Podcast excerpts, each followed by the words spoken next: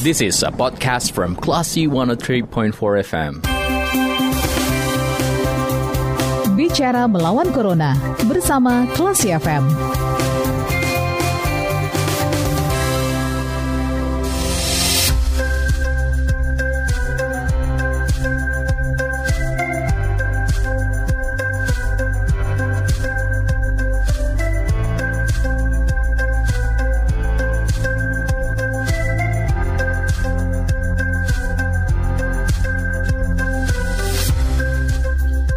103,4 kelas FM bersama kita lawan Corona. Classy People, saatnya Anda mencermati bicara melawan Corona dan kita akan ngobrol bersama Kepala BPS Sumber, yaitu Bapak Pitono. Kita akan membahas mengenai bagaimana perkembangan ekonomi Sumatera Barat di tengah pandemi COVID-19. Halo Pak, apa kabar? Alhamdulillah, baik Mbak. Alhamdulillah. Nah, Bapak kita langsung saja ya. Ini data ya. terakhir atau data terbaru pertumbuhan ekonomi Sumatera Barat. Bagaimana, Pak? Uh, pertumbuhan ekonomi Sumatera Barat pada triwulan 2 terkonstruksi 4,91 persen, Mbak. Mm -hmm. Ya, ini mungkin disebabkan beberapa hal. Yang pertama karena pandemi COVID-19, mm-hmm. maka Sumatera Barat mengambil kebijakan PSBB sejak 20 April sampai 7 Juni. Ini yang menyebabkan kegiatan berkumpul dilarang, penutupan hotel, pusat perbelanjaan, dan tempat aktivitas ekonomi lainnya peniadaan penerbangan, dan penurunan akses keluar masuk jalur darat kecuali untuk barang saja. Ini yang menyebabkan pertumbuhan ekonomi terkontraksi tadi. Di antaranya yang lainnya adalah karena rata-rata harga sawit pada saat pandemi, yaitu triwulan 2, itu mengalami penurunan sebesar 21,92 persen. Mm -hmm. Kemudian rata-rata harga karet juga mengalami penurunan sekitar 25,05 persen. Di samping itu, produksi kelapa sawit juga mengalami penurunan produksi batu bara di beberapa perusahaan di Sawalunto juga mengalami penurunan. Kemudian angkutan udara karena kebijakan PSBB terkontraksi di atas 90 persen. Nah itu yang menyebabkan perekonomian Sumatera Barat pada triwulan 2 terkontraksi 4,91 persen, Mbak. Oke, baik. Nah, pergerakan inflasi, ini inflasi ini terpengaruh dari sektor apa saja ya, Pak? Ya, nah inflasi yang kemarin tanggal 1 kemarin itu saya bacakan secara resmi mm -hmm. setiap tanggal 1 kan ada rilis inflasi. Uh, di Sumatera Barat ini yang diamati adalah Padang dan Bukit Tinggi.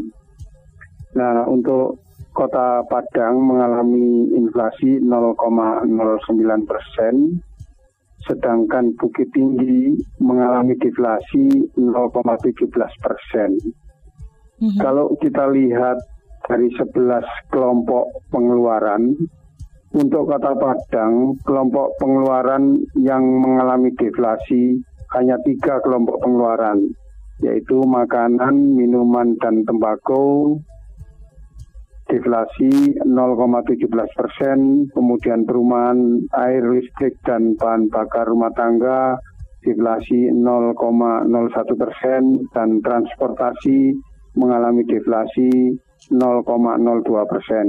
Sedangkan kota Bukit Tinggi hanya dua dari 11 kelompok pengeluaran yang mengalami deflasi, yaitu makanan, minuman, dan tembakau 0,86 persen dan perlengkapan peralatan dan pemeliharaan rumah tangga 0,01 persen. Meskipun hanya dua yang mengalami deflasi, namun di makanan itu bobotnya cukup tinggi sehingga Bukit Tinggi mengalami deflasi, yaitu yang makanan, minuman, dan tembakau itu deflasi 0,80 persen, 86 persen, sedangkan bobotnya sekitar 30 persen. Itulah yang mengakibatkan Bukit Tinggi mengalami deflasi. Adapun kalau kita lihat 10 komoditas yang mendorong inflasi adalah saya sampaikan ini yang terbesar ya Mbak. Mm -hmm. Perhiasan, udang basah, telur ayam ras, petai, minyak goreng, rokok kretek, jengkol, sekolah dasar, ikan gembung, kemudian yang terakhir yang ke-10 adalah celana panjang jeans anak. Itu yang mendorong inflasi dan deflasi di Padang dan Bukit Tinggi, Mbak. Oke. Okay. Nah, kalau nasional mengalami deflasi 0,05 persen. Oke, baik. Lalu potensi uh, ekonomi Sumbar di triwulan ketiga itu masih anjlok, Pak? Atau bagaimana? Kan belum dihitung, Mbak. Okay. Jadi triwulan tiga itu uh mhm. -huh. bulan Juli, Agustus, September. Mm-hmm. Nah, itu triwulan tiga. Ini kan masih bulan apa ya? September ya. Mm-hmm. Ya bulan September. Jadi biasanya data itu masuk paling cepat itu pertengahan Oktober. Jadi okay. kami bisa selesai mengumumkan biasanya paling cepat itu September, uh, November. Oke, okay, oke. Okay. Baik. Nah, secara garis besar, pandemi ini seberapa berpengaruhnya bagi warga Sumatera Barat, Pak? Ya, kalau saya lihat PDRB menurut lapangan usaha pada triwulan 2 ini yang tumbuh dari 17 sektor yang diamati, yang tumbuh hanya 5 sektor, Mbak. Jadi yang lainnya itu kena dampak COVID-19. Jadi yang yang tumbuh itu sektor pertanian mm-hmm. itu tumbuh 0,55 persen. Kemudian informasi dan jasa komunikasi tumbuh cukup signifikan 11,52 persen karena adanya sekolah daring itu. Mm-hmm. Jadi dengan COVID ya ada juga yang yang anu, mengalami pertumbuhan yaitu informasi dan komunikasi karena anak tidak sekolah, kemudian sekolah di rumah, nah, sehingga banyak yang pasang internet. Mm-hmm. Itu berpengaruh sehingga di sini dilihat informasi dan komunikasi tumbuh 11,52 persen. Kemudian jasa pendidikan juga tumbuh 2,23 persen. Real estate tumbuh 2,13 persen dan jasa kesehatan dan kegiatan sosial tumbuh 4,21 persen. Selain itu, semuanya terkontraksi. Okay. Nah, jadi berpengaruh yang berpengaruh akibat pandemi COVID itu sektor perdagangan itu terkontraksi 3,32 persen, konstruksi terkontraksi 5,21 persen, mm-hmm. transportasi dan pergudangan terkontraksi 29,37 persen, industri pengolahan terkontraksi 1,99 persen. Ya, itulah banyak. Dari 17 sektor tadi, hanya lima sektor yang mengalami pertumbuhan. Oke, itu sektor yang paling uh, terlihat jelas dampaknya ya Pak? Kenapa? Itu sektor yang Bapak uh, sebutkan tadi, itu merupakan sektor yang paling terlihat jelas dampaknya. Oh iya, jadi semua sektor itu mengalami negatif atau terkontraksi uh-huh. selain lima tadi. Jadi itu tadi yang terkena dampak dampak dari COVID-19 itu. Oke baik, baik. Ya uh, lumayan. Uh-huh. Ya bagaimana Pak? Halo, halo. Ya bagaimana Pak? Ya lumayan besar pengaruhnya terhadap perekonomian. Uh-huh. Oke, okay. nah ini juga ada uh, pertanyaan dari Classy People. Uh, katanya bagaimana perkiraan pertumbuhan ekonomi Sumatera Barat uh, pada triwulan berikutnya dan perkiraan hingga akhir tahun?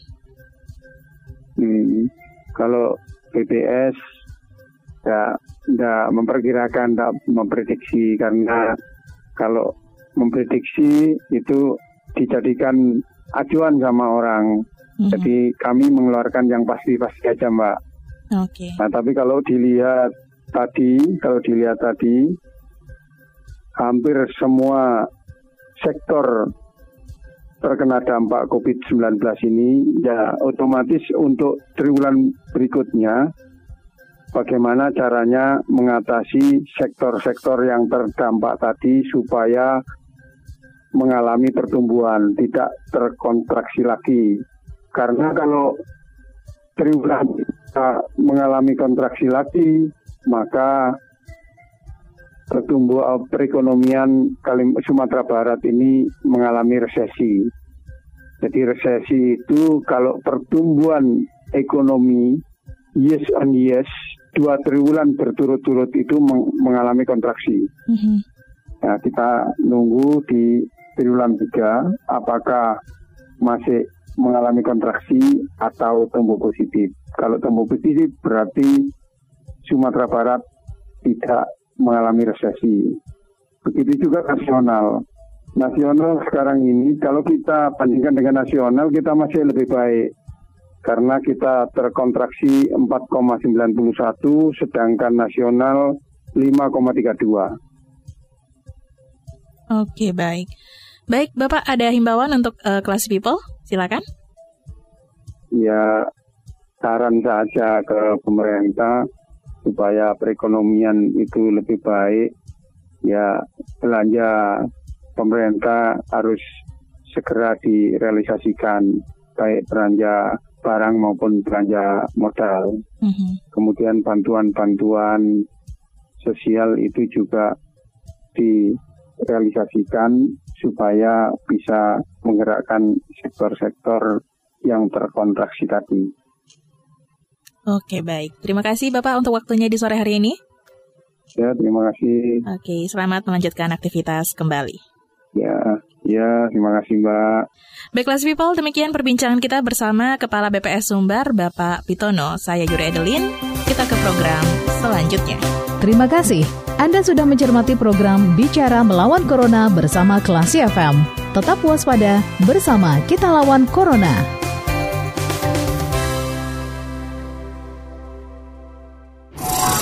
This is a podcast from Classy 103.4 FM.